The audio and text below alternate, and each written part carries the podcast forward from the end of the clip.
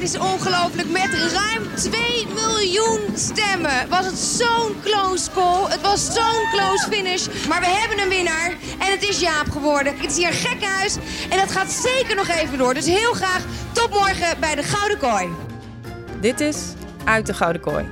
Een podcast van de VPRO-gids. Aflevering 3. Nooit meer naar huis regisseurs die mij niet kenden of cameramensen die mij niet kenden. Dat ze dachten van, ja, dan heb je die debiel uit de gouden kooi. Wat doet hij hier? Oh god, het jochie heeft zijn leven verneukt, dus John heeft hem een baantje gegeven. Ik ben Elja Looijenstein, redacteur van de VPRO-gids. En dit is het verhaal van mijn jeugdvriend Huub. Hij woonde bijna twee jaar in een villa in het Gooi, omringd door camera's. Zijn dagen vulde hij met drinken, seks, vechtpartijen en achterbakse spelletjes. Hij deed er alles aan om te winnen, maar wordt uiteindelijk vierde. Als hij in mei 2008 de Gouden Kooi verlaat, is hij 26, pas getrouwd met zijn medekandidaat Claire en wordt hij overal herkend. Op het hoogtepunt van de Gouden Kooi kom je eruit, dan ben je zo afgrijzelijk bekend dat je niet op straat kan lopen. Mensen, als ze Marco Borsato zien, dan denken ze, oh, daar heb je Marco Borsato. Maar er zit een soort grens. Want ja, dat weet je, die durven er niet zo heel snel op toe te stappen. Als je in een realityprogramma bekend bent geworden, dan ben je een soort publiek bezit. Je staat voor een stoplicht, mensen doen gewoon je, je autodeur open en zeggen: Ben jij het echt? Uh, ik ben toen naar mijn oma toe gegaan. Ik was in een restaurant. Dit was twee of drie dagen daarna. Gewoon in, een, in de Herenstraat in Culemborg, een klein straatje. We waren in het restaurant. Toen kwamen er mensen binnen. Hey, jij bent toch Huub? Kwamen we naar buiten. Weer mensen. Hey, jij bent toch Huub? Binnen een half uur stonden er 400 mensen voor het restaurant moest de politie komen om mij daar te ontzetten. Omdat iedereen op de foto wilde. En, dan gewoon een hele oploop. En dat was in die zomer overal zo. En dat is zo heftig. Ik ga dit jaar backpacken in Thailand. Het enige wat daarvan bewaard is gebleven zijn onscherpe foto's van mijn digitale camera. Maar Huub's jeugdzondes heeft iedereen op televisie gezien. Het leven als BN'er gaat hem al snel tegenstaan. Je krijgt ontzettend veel aandacht. Over het algemeen is dat ook wel heel leuk. Aan de andere kant heb je ook heel weinig privacy en heb je heel weinig rust. Alleen je voelt, het is iets wat je moet onderhouden. Als jij bekend bent en je wilt bekend zijn omdat je vindt dat het een nut heeft, omdat je televisieprogramma's wil presenteren of omdat je welke ambitie dan ook hebt voor de schermen, dan is het belangrijk, dan ben je gebaat bij dat je bekend blijft. Dus ik stond voor een keuze, ga ik dat bekendheidsvuurtje blijven voeren? Nou, en ik zag al heel snel dat er maar één manier was. Namelijk steeds minder bekend worden, steeds minder bekend worden. En steeds krampachtig proberen om bekend te blijven. Ja, en dat vind ik toch wel ja, treurig. Uh, ik had toen best wel wat optredens staan. Die heb ik na vier weken ook allemaal gecanceld. Ik dacht, ja, ik zit nooit meer, nooit meer naar huis te playbacken in een discotheek in Friesland, Kolm. Ik vergeet het nooit meer. Dat was mijn tweede optreden van die avond. Ik kreeg een paar duizend piek per, per optreden. Dat was echt dik verdienen. En ik dacht, ik ben nooit meer naar huis aan het playbacken voor een programma waar ik niet meer in zit. En toen heb ik zeg maar, mijn management opgebeld en gezegd, ik doe het niet meer. Ik stop ermee. De Gouden Kooi is na bijna twee jaar voorbij. De villa in het Gooi wordt nu gebruikt om koffietijd op te nemen. TV-kijkers schakelen over naar het EK voetbal. Huub blijft werken in de televisiewereld, maar wel achter de schermen. Ik vond ook de productie allemaal hartstikke leuk. Uh, leuke mensen, goede klik ook mee. Die zeiden op een gegeven moment van, joh, hey, uh, misschien moet je wel bij ons komen werken. Nou, toen was het programma afgelopen en toen meenden ze dat serieus. Toen heb ik gewoon een gesprek gehad bij Talpa. Met een uitvoerend producent en, uh, en met John. En toen ben ik gewoon junior redacteur geworden, links onderaan. Ineens is hij geen kandidaat meer, maar een collega. Ja, en dat was voor heel veel mensen wel echt even wennen. Maar echt even wennen. Vooral ook omdat dit wel een, echt een heftig programma was. Het was niet lingo waar ik aan had meegedaan. Ik had collega's eh, van de redactie die bijvoorbeeld verantwoordelijk waren voor het contact met de achterban, die twee jaar lang met mijn ouders hadden gebeld. Ik had ook een redacteur die mijn financiën deed, om maar wat te zeggen. Dus die grenzen die waren gewoon anders. En moest je toen echt een beetje je plekje daar weer verdienen? Ik moest ontzettend mijn plekje verdienen. En ik heb altijd mijn plekje moeten verdienen, daarna ook regisseurs die mij niet kenden of cameramensen die mij niet kenden. Dat ze dachten van, ja, dan heb je die debiel uit de gouden kooi. Wat doet hij hier? Oh god, het jochie heeft zijn leven verneukt, dus John heeft hem een baantje gegeven. Dan krijgt hij een goed advies. De eerste uitvoerend producent van uh, de Gouden Kooi, daar had ik toen heel veel gesprekken mee. En toen zei ik, jeetje, heel veel mensen die kijken me toch wel heel raar aan. En toen zei hij, joh, jij moet gewoon zorgen...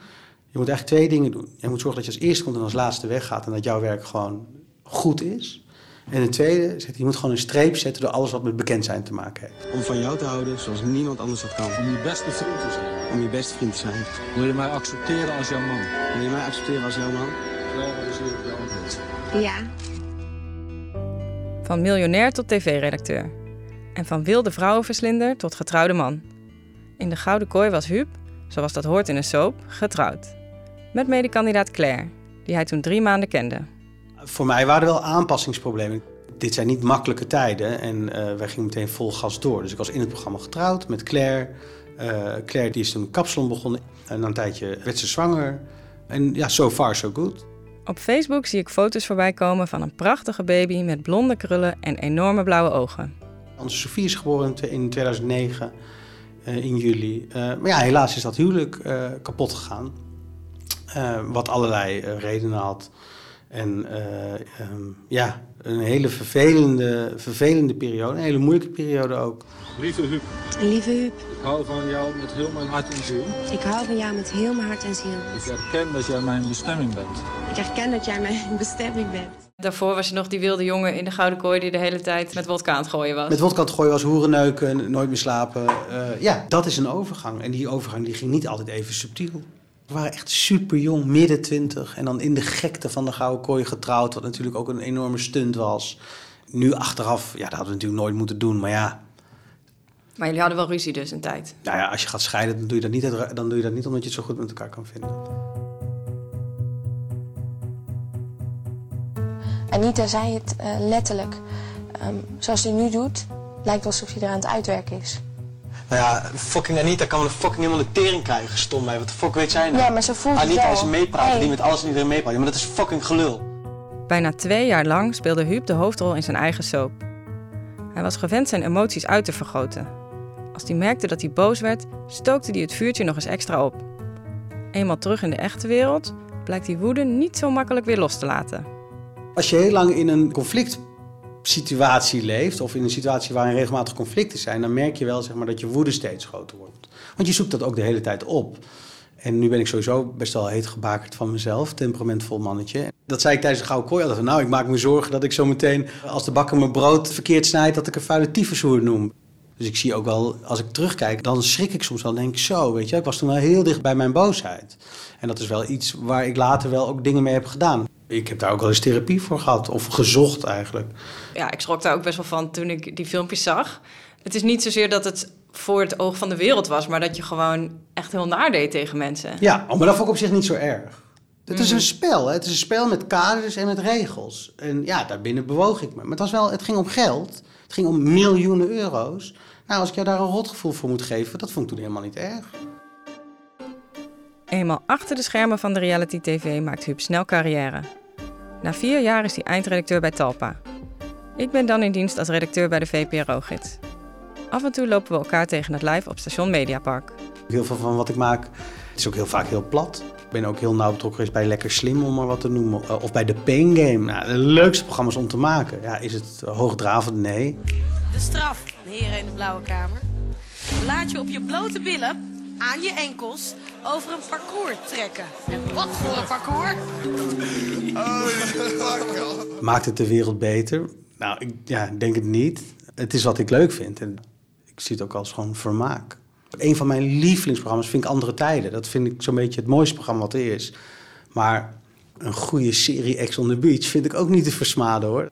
Het mooie van realityprogramma's vind ik is dat het... Het is echt een weerspiegeling van de samenleving. Bij zulke soort programma's dan, dan kras je zo door die zogenaamde beschaafdheid heen. Ja, en dan zie je wat eronder zit. En dat is over het algemeen vaak heel rauw en heel ruw, eh, maar wel echt. Ik vind het wel lekker waar het, als het een beetje schuurt. Dat vind ik mooi. Huub bepaalt mede wie er mee mogen doen aan programma's als The Voice, The Biggest Loser en The Pain Game. Minstens 10.000 mensen heeft hij in de loop der jaren zien langskomen. Ze zijn allemaal in voor een uitdaging en willen graag op televisie. Je bent eigenlijk op zoek naar mensen die op kruispunten staan.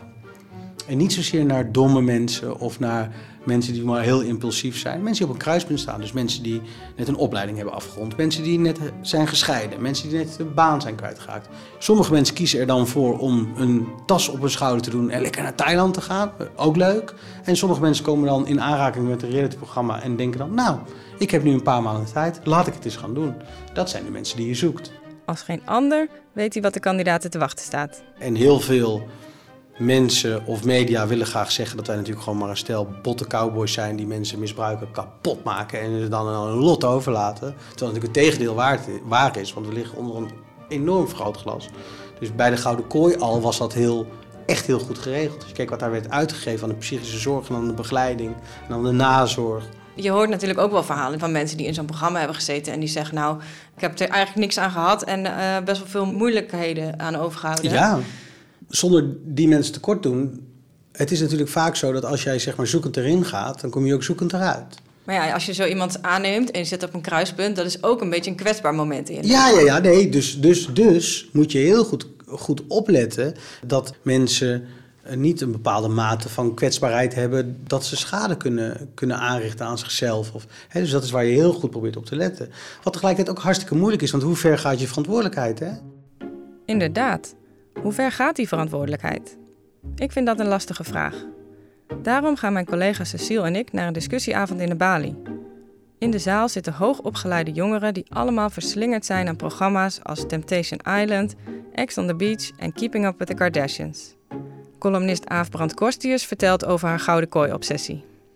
Aan psychopathie grenzende hoofdpersonages werden ingezet, of zoals de Wikipedia-pagina van de Gouden Kooi dit meldt, de producenten poogden de kijkcijfers te verhogen door niet al te stabiele en of extreme persoonlijkheden te laten meedoen. Aan tafel zit ook mediawetenschapper Linda Duits. Het is uh, reality. het gaat om doorgaans echte mensen met echte emoties. In een televisiesituatie. En televisie is per definitie niet echt. Duits is fan van realityprogramma's, maar zet er ook vraagtekens bij. Eigenlijk, en dit zeg ik met pijn in mijn hart, eigenlijk is alle reality-televisie onethisch. Omdat er sprake is van een ongelijke machtsverhouding tussen de maker en de deelnemer. Um, waarbij de deelnemer helemaal geen zeggenschap heeft over hoe die in beeld gebracht wordt. Geen zeggenschap heeft over de situaties waar die uh, ja. uh, in geplaatst wordt. Ja, je hebt misschien wel het programma gezien, maar dat maakt je nog niet. Je hebt niet gezien hoe dat programma tot stand is gekomen. Die hele kant van reality televisie uh, is onzichtbaar, die productiekant. En omdat je daar geen weet van hebt, kan je eigenlijk nooit zeggen dat je weet waarmee je instemt. Dat zijn hele interessante dingen. Hè? Als je het hebt over machtsverhoudingen, hè? Van, van in hoeverre zijn kandidaten vrij om te doen wat ze willen en in hoeverre niet. En dat het op het snijvlak van heel veel ethische punten zit, ja, dat, dat, dat klopt. Ik denk dat ook heel veel deelnemers zich vergissen in de intensiteit van wat zo'n programma doet. Daarom word je ook ontzettend afgeraden om aan zo'n programma mee te doen door de makers. Dus ze lokken je er niet in. Integendeel. Huub neemt zelf de verantwoordelijkheid voor wat hij voor de camera's deed. Hij vindt dat andere kandidaten dat ook moeten doen. Sommige mensen die zullen daarna een negatieve ervaring uh, hebben in de zin van... oeh, uh, ik heb dingen gedaan die ik niet leuk vind. Uh, ik, ben, ik heb op een manier gedragen waarop heel veel mensen nu vinden dat ik dit ben of dat ik dat ben. Ja, ja, ja, ik snap dat je dat niet leuk vindt. Maar dan had je misschien ook wel gewoon je kleren aan moeten houden bijvoorbeeld. Dat je niet leuk vindt dat iedereen je bloot heeft gezien. He, dus dan is het heel makkelijk om dan naar, naar zo'n programma te wijzen. Terwijl het eigenlijk meer te maken heeft met hoe ze zich hebben gedragen.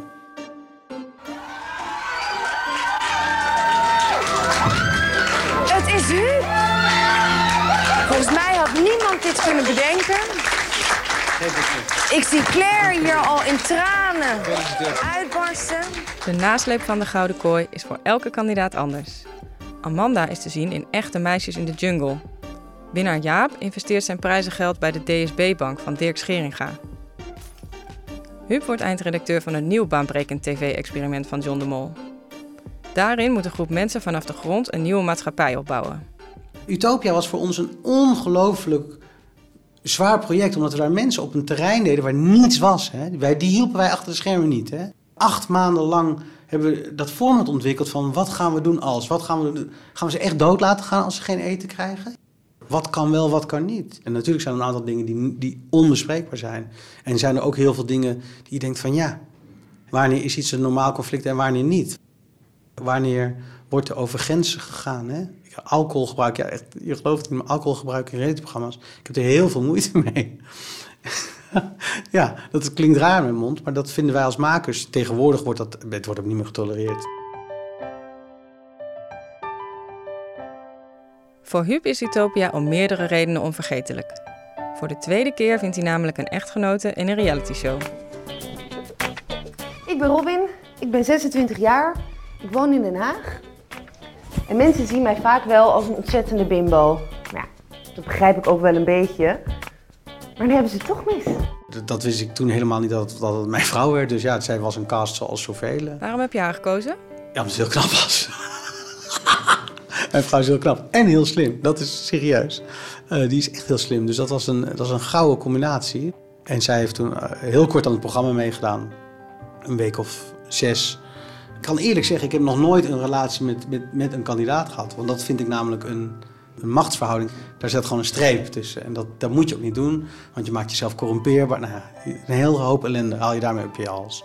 Ehm, na haar deelname aan het programma was ik met haar ergens voor een persinterview. En eh, toen sprong de vonk over. Binnen zes maanden zijn Robin en Huub getrouwd. Zij heeft een prachtige dochter eh, en ik heb een prachtige dochter. En wij wisten het gewoon heel zeker. En wij wilden dat heel graag bestendigen, ook naar onze kinderen toe. Toen zijn we met z'n, toen nog met z'n vieren echt eh, heel intiem eh, getrouwd. Met de ringen voor de meiden en voor ons. Is zij nog verder gegaan eh, voor de schermen? Zij was altijd model, maar zij heeft toen ook, ook daar een streep onder gezet. Dus zij is een jaar of tien is zij, is zij fotomodel geweest. Inmiddels hebben ze samen ook een dochter, Amelie. Wij hebben drie kinderen en eh, dat is best wel veel werk. En eh, wij vinden het belangrijk om, dat, eh, om zelf voor onze kinderen te zorgen. Dus, eh, dus Robin eh, zorgt voor de kinderen. Sophie, de dochter van Huub en Claire, is net elf geworden. Wat vindt zij van de Gouden Kooi? Nou ja, kijk, voor die kinderen beleeft het niet zo. Kijk, A, het is iets wat je ouders hebben gedaan, dus het is natuurlijk per definitie saai. Dat was 15 jaar geleden cool. We zijn natuurlijk wel een beetje trieste dertigers die over een heel oud programma aan het praten zijn. En dat vinden wij interessant vanuit ons dingen, maar uit de belevingswereld van een kind bestaat dat programma niet. Wat vind je als je dochters zouden zeggen van ik wil meedoen aan zo'n programma? Ja, dat is natuurlijk een, een, een vraag waar ik zelf ook over nadenk. Ehm, het hangt heel erg van de motivatie af. En ik zou ze als geen ander kunnen uitleggen eh, waarom je het niet zou moeten doen. Maar als zij het zouden willen, dan zouden ze dat moeten doen. Het is natuurlijk een emotioneel moment, dat kan ik me heel goed voorstellen. Maar we moeten het nog wel even officieel doen. Wil je alsjeblieft je check pakken? Hup, het zwembad in kan jou het schelen. En neem plaats bij je vrienden en familie en achterblijvers. Huub, ontzettend bedankt. Gouden Kooi ligt al 12 jaar achter ons. Ik werk nog steeds bij de VPRO-gids. Maar tegenwoordig maak ik ook podcasts. Huub werkt sinds kort niet meer bij Talpa, maar bij het moederbedrijf ITV. Hij reist als formatconsultant de hele wereld over. Om programma's als The Voice en Love Island op te zetten in bijvoorbeeld Nigeria of Portugal. En geloof het of niet, na al die tijd in de luwte heeft Huub nog steeds fans. Ik krijg nog steeds van een aantal mensen, eh, hallo oma Wilma, eh, krijg ik nog steeds eh, kaartjes of berichtjes. Of Facebook is een beetje het nieuwe huis geworden, dus dan krijg ik van die glitterplaatjes op mijn verjaardag. En wat is de Gouden Kooi nooit was gestopt? Hoe lang was Huub in het programma gebleven? Voor eeuwig. Ik was er nooit uitgegaan. ja, nee, ik zie het je. Ik was gewoon, ik had er nu nog in gezeten. Ik had er nu nog in gezeten. Stel je voor. Ja, dat was echt heftig geweest.